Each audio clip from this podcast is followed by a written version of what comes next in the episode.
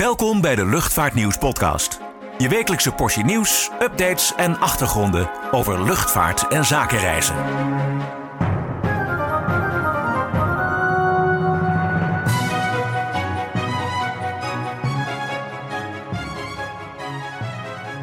Welkom bij weer een nieuwe aflevering van de Luchtvaartnieuws podcast. Mijn naam is Nick Vernooy en aan de andere microfoon zit mijn collega Klaas-Jan van Woerkom. We gaan het vandaag uiteraard hebben over de verkiezingsuitslag en de mogelijke gevolgen daarvan voor de luchtvaart. Verder gaan we praten over het vertrek van de laatste KLM Boeing 747, werkloze piloten, een Noorse nieuwkomer, het coronapaspoort en de Airbus A380. Het is nog even afwachten hoeveel zetels elke partij exact krijgt, maar globaal liggen de aantallen nu al vast. De VVD blijft de grootste, gevolgd door D66 en de PVV. Wat vind jij, Klaas-Jan? Een verrassende uitslag? Uh, nee, ik had wel verwacht dat de VVD de grootste zou blijven. Uh, de opmars van D66 is wel opmerkelijk, evenals de krimp van GroenLinks, moet ik zeggen. Zou er veel aan de coalitie gaan veranderen, denk je? Nou, ik heb geen glazen bol, maar je zou zeggen dat de VVD, D66 en het CDA het samen gaan doen. Uh, maar dan hebben ze niet genoeg zetels, dus er zal ook gekeken moeten worden naar andere samenstellingen. Uh, ik sluit zelf niet uit dat Sigrid Kaag linkse partijen benadert om mee te doen. Zeker gezien haar ambities om Nederland groener te maken. Ja, als we kijken naar de meest kritische partijen als het gaat om luchtvaart, GroenLinks en de Partij voor de Dieren, dan zijn die deze verkiezingen niet echt succesvol geweest. Is dat goed nieuws voor de luchtvaart? Nou ja, vooropgesteld, uh, het is denk ik een goede zaak voor de luchtvaart en de economie dat de VVD de grootste is geworden. Uh, dat is overigens niet mijn partij, maar ik vind uh, ja, Rutte wel een man die een bepaald leiderschap uitstraalt. Uh, dat neemt niet weg dat de luchtvaart uiteraard wel moet verduurzamen. En daar zijn vrijwel alle politieke partijen het ook over eens. En de luchtvaartsector trouwens ook. het is echter wel belangrijk om realistisch te blijven. De hubfunctie van Schiphol ontmantelen door het aantal vluchten te halveren, of het wettelijk verbieden van korte vluchten, of nachtvluchten, hè, als het al kan wettelijk gezien, uh, dat vind ik geen redelijke eisen. Uh, het is van belang dat de luchtvaartsector op een goede manier gemotiveerd wordt om te innoveren. Maar dat kost wel tijd en geld. Um, en ik denk dat die ook geboden moeten worden vanuit de overheid. Ja, we hebben het laatst ook al over gehad, uh, over de verkiezingsprogramma's en wat er daarover in staat wat betreft luchtvaart. Wat vinden de grootste drie partijen ook alweer van de luchtvaart? Ja, inderdaad, we hadden het vorige week er al even over, uh, maar ik zal het nog even kort samenvatten. Um, de VVD is de luchtvaartsector traditioneel gezien positief gezind, maar in het huidige verkiezingsprogramma is er toch wel een stap naar links te zien. Uh, zo is de VVD voor de afschaffing van de vrijstelling van accijns op kerosine in internationaal verband. En ook wil de VVD de dit jaar ingevoerde vliegbelasting in stand houden. Eh, de VVD is verder voorstander van een Europese bijmengverplichting voor duurzame luchtvaartbrandstoffen. En als het op Europees niveau niet haalbaar blijkt, dan volgen er nationale maatregelen. De VVD wil verder investeren in elektrisch taxiën, het schaalbaar maken van synthetische kerosine en andere innovaties om de uitstoot van CO2 en andere schadelijke stoffen te verminderen. En ook wordt onderzocht of glijvluchtlandingen vaker kunnen worden toegepast. Nou, door het inzetten van stillere vliegtuigen moet een groei van het aantal vluchten worden mogelijk gemaakt. En de VVD dringt ook aan op het creëren van één Europees luchtruim. En daardoor moeten efficiëntere vliegroutes en kortere vliegtijden ontstaan. En wordt ook de, lucht, uh, wordt ook de luchtruimcapaciteit vergroot. En uh, wordt ook de veiligheid bevorderd. En neemt de CO2-uitstoot verder af. Nou, de luchtvaartgezindheid van de VVD blijkt ook uit het beschermen van de hubfunctie van Schiphol. Ook bij toekomstige ontwikkelingen. Bijvoorbeeld door overstappers uit te zonderen van vliegbelasting. Um, en pas wanneer er goede internationale afspraken zijn gemaakt, kan ook de nationale vliegbelasting vervallen. Nou, daarnaast hamert de VVD op het verstevigen van het vestigingsklimaat door voorrang te geven aan vluchten die het intercontinentale netwerk en de hubfunctie van Schiphol versterken. En als laatste ziet eh, de VVD voor regionale luchthavens vooral een rol weggelegd bij het verwerken van vakantievluchten. Uh, Schiphol en de regionale luchthavens moeten gaan samenwerken, zodat die versterkt worden en extra capaciteit voor Schiphol zelf ontstaat. Nou, in het verkiezingsprogramma staat het er niet met zoveel woorden, maar de opening van Lelystad Airport staat voor de VVD in principe niet ter discussie. En D66? Ja, D66 die wordt natuurlijk door de meeste mensen niet echt als een linkse partij gezien. Maar qua luchtvaart is de partij behoorlijk kritisch. D66 zegt een einde te willen maken aan, en ik quote, de massaconsumptie van vliegen ten koste van de leefomgeving. En de partij van Sigrid Kaag wil duidelijke en handhaafbare klimaat- en milieugrenzen, uh, een eerlijke prijs voor vliegen en investeren in duurzame innovaties. Nou, volgens D66 uh, eh, moeten er plafonds komen voor het aantal vliegbewegingen op Nederlandse luchthavens. En moet het aantal nachtvluchten worden gehalveerd op Schiphol tot maximaal 14.000 per jaar. Uh, Lelystad Airport mag wat betreft D66 alleen open voor burgerluchtvaart als het niet leidt tot groei van uitstoot en milieuvervuiling. Nou, verder wil D66 vliegen ook duurder maken. Uh, ze willen af van vrijstellingen voor accijns en btw, net als de VVD eigenlijk. Um, uh, maar zij vinden in tegenstelling tot de VVD dat ook overstappende passagiers de recent ingevoerde vliegtax moeten gaan betalen. En op korte vluchten wil D66 die vliegtax verhogen. En zodra dat wettelijk gezien mogelijk is, het aantal korte afstandsvluchten verlagen. Um, ja, ze willen ook uh, dat onderzoeksinstellingen en de luchtvaartindustrie en luchthavens gaan investeren in het vliegen op waterstof of zogeheten e-fuels. Um, en de Nederlandse luchtvaart moet in dat opzicht een internationale voortrekkersrol gaan vervullen in verduurzaming. Uh, verder dringen ze erop aan dat de adviezen van de Onderzoeksraad voor Veiligheid ten aanzien van Schiphol uh, worden opgevolgd. Dus uh, eigenlijk samengevat neigt D66 qua luchtvaart in de richting van GroenLinks.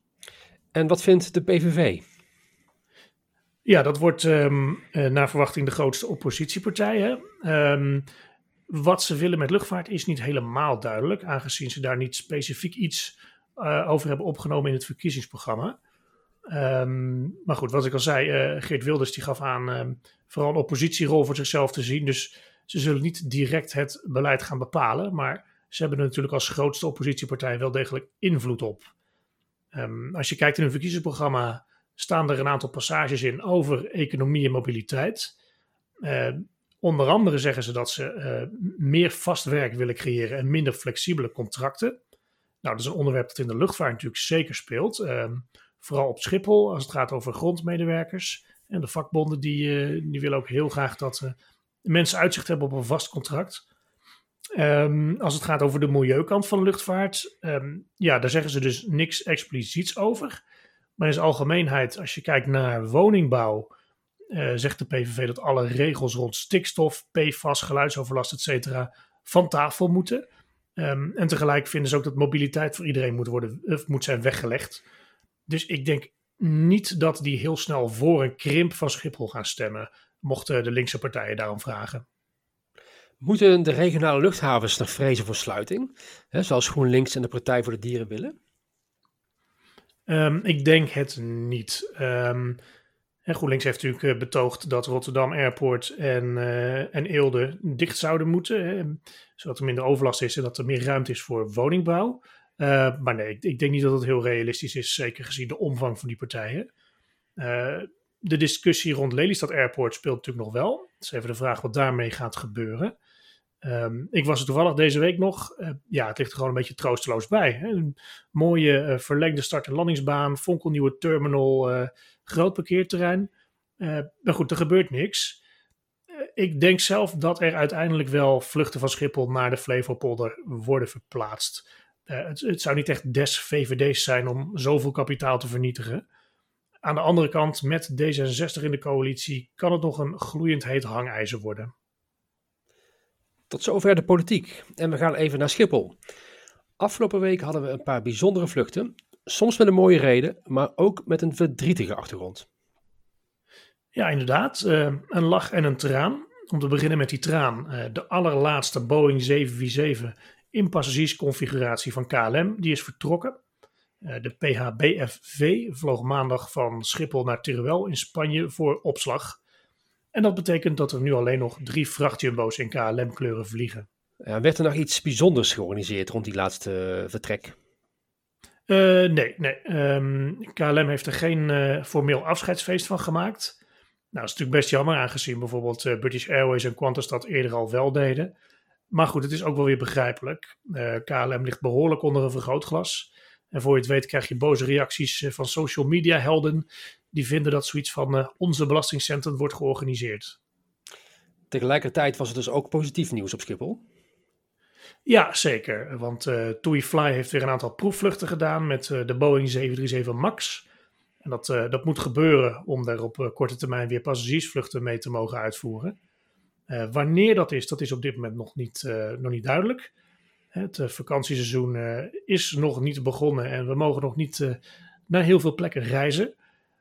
mogelijk kunnen de Nederlandse toestellen straks door de Belgische tak van TUI Fly worden ingezet. Um, want TUI Fly Nederland en België zijn één bedrijf. We gaan het zien. En we blijven even in Nederland bij vliegopleider EPST. Want die gaat werkloze piloten aan het werk helpen. Hoe zit dat precies? Nou, net um, als andere vliegscholen ziet EPST dat uh, de vraag naar nieuwe piloten op dit moment erg laag is. Uh, dat is ook wel logisch, er wordt minder gevlogen. Maar goed, het is knap vervelend als je een studieschuld van een ton moet afbetalen. Dus daarom hebben ze House of Pilots gelanceerd, waarmee vliegers tijdelijk elders werk kunnen vinden. Bedoel je dat ze in het buitenland gesteld kunnen worden tot ze in Nederland aan de slag kunnen? Nee, dat niet. Het idee is juist om ze in een andere bedrijfstak aan een baan te helpen. Uh, zo kunnen pas afgestudeerde vliegers onder andere aan de slag bij grote banken. Bijvoorbeeld om geldstromen te analyseren en witwaspraktijken op te sporen. En wat is daar het voordeel van? Nou, ze blijven aan het werk en ze krijgen op die manier inkomen. En daarmee kunnen ze in hun levensonderhoud voorzien en tegelijk hun studieschuld een beetje aflossen. Maar hun doel was toch een piloot te worden? Toch een beetje raar eigenlijk dit. Ja, maar goed, uh, die droom uh, uh, voordat hij in vervulling kan gaan, dat kan toch echt wel enkele jaren gaan duren. Um, en in de tussentijd zorgt EPST ervoor dat ze, eh, naast hun tijdelijke nieuwe baan, hun vliegvaardigheden op peil kunnen houden in de simulators van EPST. En daarnaast krijgen ze ook op andere gebieden coaching en begeleiding. Klinkt op zich wel als een goed idee. Slaat ook een beetje aan. Nou, volgens EPST zijn er nu 60 mensen die zich hebben aangemeld. En een aantal van hen is al uh, geplaatst bij een aantal grote bedrijven. Over nieuwe kansen gesproken. Norwegian-oprichter en voormalig topman van die maatschappij, Björn Kjos, is terug op het toneel. Ja, inderdaad. Hij heeft een uh, nieuwe start-up opgericht die eind dit jaar wil beginnen met het aanbieden van goedkope verre vluchten onder de naam Norse Atlantic Airways of Norse Atlantic Airways op zijn Engels. Ja, opvallend nieuws. Zeker opvallend nieuws. Um, Norwegian is zelf gestopt met het uitvoeren van verre vluchten, mede door de coronacrisis. Maar uh, en zijn compagnons, die ook alle twee uh, Björn heten trouwens, die, die zien er wel brood in. Ze willen een vloot Boeing 787 Dreamliners, die voorheen bij Norwegian in dienst waren, gebruiken voor vluchten tussen Europa en de VS. Dus eigenlijk precies wat Norwegian ook deed op long-haul gebied. En er wordt op dit moment ook gezocht naar cabinebemanning en piloten. Heeft het project kans van slagen, denk je? Nou, op zich uh, zijn Kjus en um, de andere initiatiefnemers ervaren genoeg. En ook lijken ze genoeg geld te hebben. Ze hebben een startkapitaal van 24 miljoen dollar. Um, en ze willen ook gaan samenwerken met uh, Norwegian en met nieuwkomer Flyer om passagiers vanuit Europa aan te voeren um, naar bijvoorbeeld Londen en Parijs om daar aan boord te gaan van hun verre vluchten. Dus dat is op zich al een verbetering ten opzichte van de strategie die Norwegian voorheen had. Aan de andere kant ligt de markt natuurlijk op zijn gat, dus zeker als het gaat om verre vluchten is het uh, erg optimistisch om dit jaar al te starten, denk ik. Maar wie weet, uh, als we allemaal gevaccineerd zijn en de grenzen weer open gaan, uh, ja, kan het, toch, kan het toch tot veel vraag naar tickets leiden. voordeel is ook voor hun dat personeel redelijk goed verkrijgbaar is op dit moment. En ook de leaseprijzen van vliegtuigen relatief laag zijn. Nou, we houden het in de gaten. We gaan even naar de reclame en zijn zo bij u terug. Word nu abonnee en ontvang 12 keer per jaar het Luchtvaartnieuws magazine. En onbeperkt toegang tot nieuws en achtergronden op luchtvaartnieuws.nl en zakenreisnieuws.nl.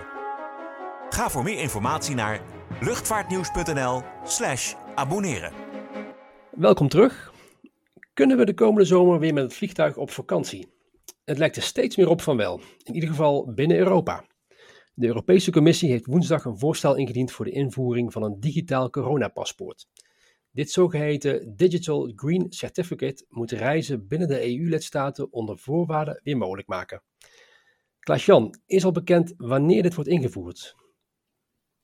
Nou, de bedoeling is uh, aan het begin van de zomer al. Voorwaarde is daarbij wel dat de Raad van Ministers en het Europees Parlement groen licht geven. Hoe krijg je dit uh, Digital Green Certificate?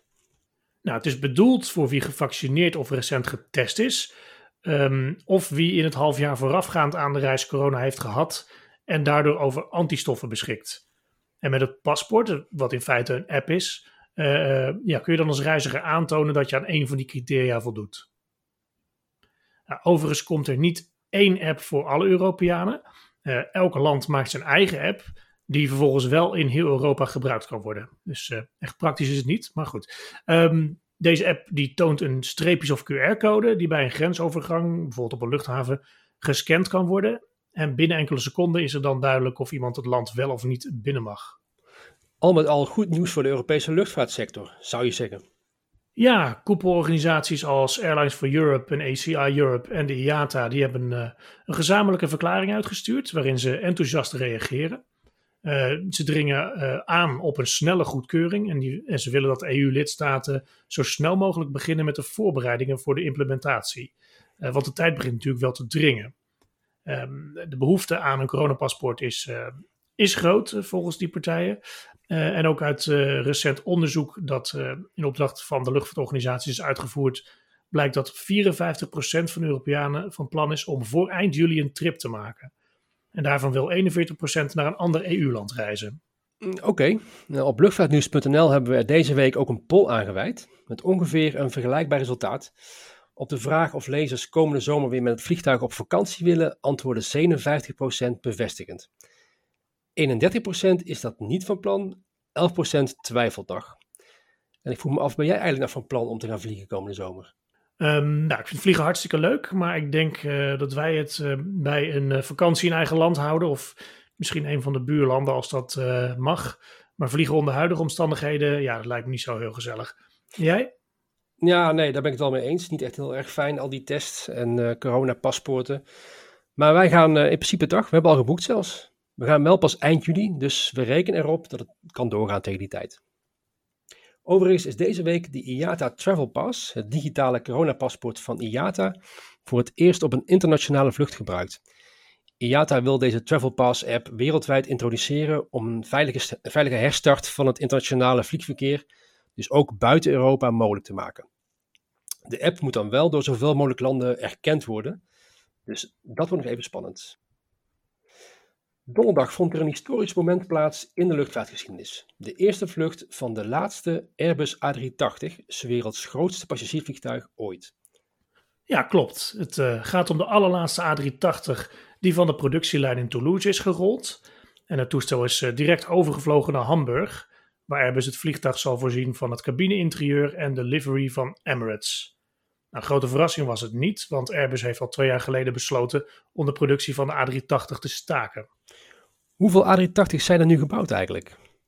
Nou, het toestel dat donderdag naar Hamburg is overgevlogen is het 251ste productietoestel. Dus er zijn er 251 gebouwd. Um, uh, plus nog een aantal prototypes uh, die, uh, die in het begin zijn vervaardigd. Emirates is veruit de grootste klant geweest met in totaal 123 bestellingen. Dus zij hebben bijna de helft van alle gebouwde A380's in huis. Ja, het besluit om de A380-productie te staken is dus al genomen ver voor de coronacrisis. Maar door diezelfde coronacrisis vliegen er op dit moment maar heel weinig A380's, toch? Ja, klopt. Uh, momenteel zijn er nog maar 21 in dienst. Uh, alleen Emirates heeft er een paar, Korean Air en China Southern Airlines, uh, om reguliere vluchten mee uit te voeren. Ja, dat zijn er natuurlijk veel minder dan normaal. Ehm, alle andere maatschappijen hebben A380's aan de grond gezet. Sommige tijdelijk, zoals British Airways, Qantas en Singapore Airlines. Maar Air France en Highfly hebben het type definitief buiten dienst gesteld. En Lufthansa wil in 2025 stoppen met het type. Uh, en de vraag is eigenlijk ook of de A380 überhaupt nog wel terugkeert bij de Duitsers. Verder wil Qatar Airways het aantal A380's halveren. En neemt Etihad Airways uit Abu Dhabi uh, zeer waarschijnlijk afscheid van het type. Bij Thai Airways, Malaysia Airlines, Asiana en ook Korean Air is de toekomst van de A380 op de lange termijn vrij onzeker. Het wordt dus toch spannend hoeveel A380's weer in dienst terugkeren zodra het, het vervoer aantrekt. De rol van luchtreizen als de A380 is uitgespeeld?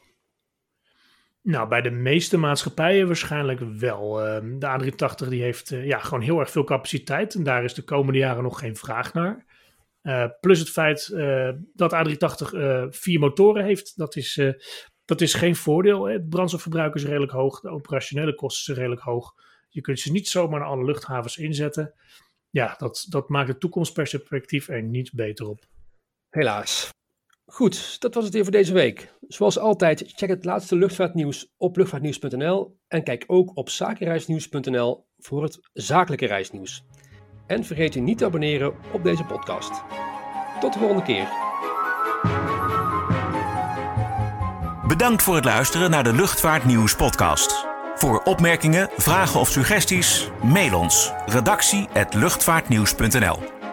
Een fijne dag en graag tot de volgende podcast.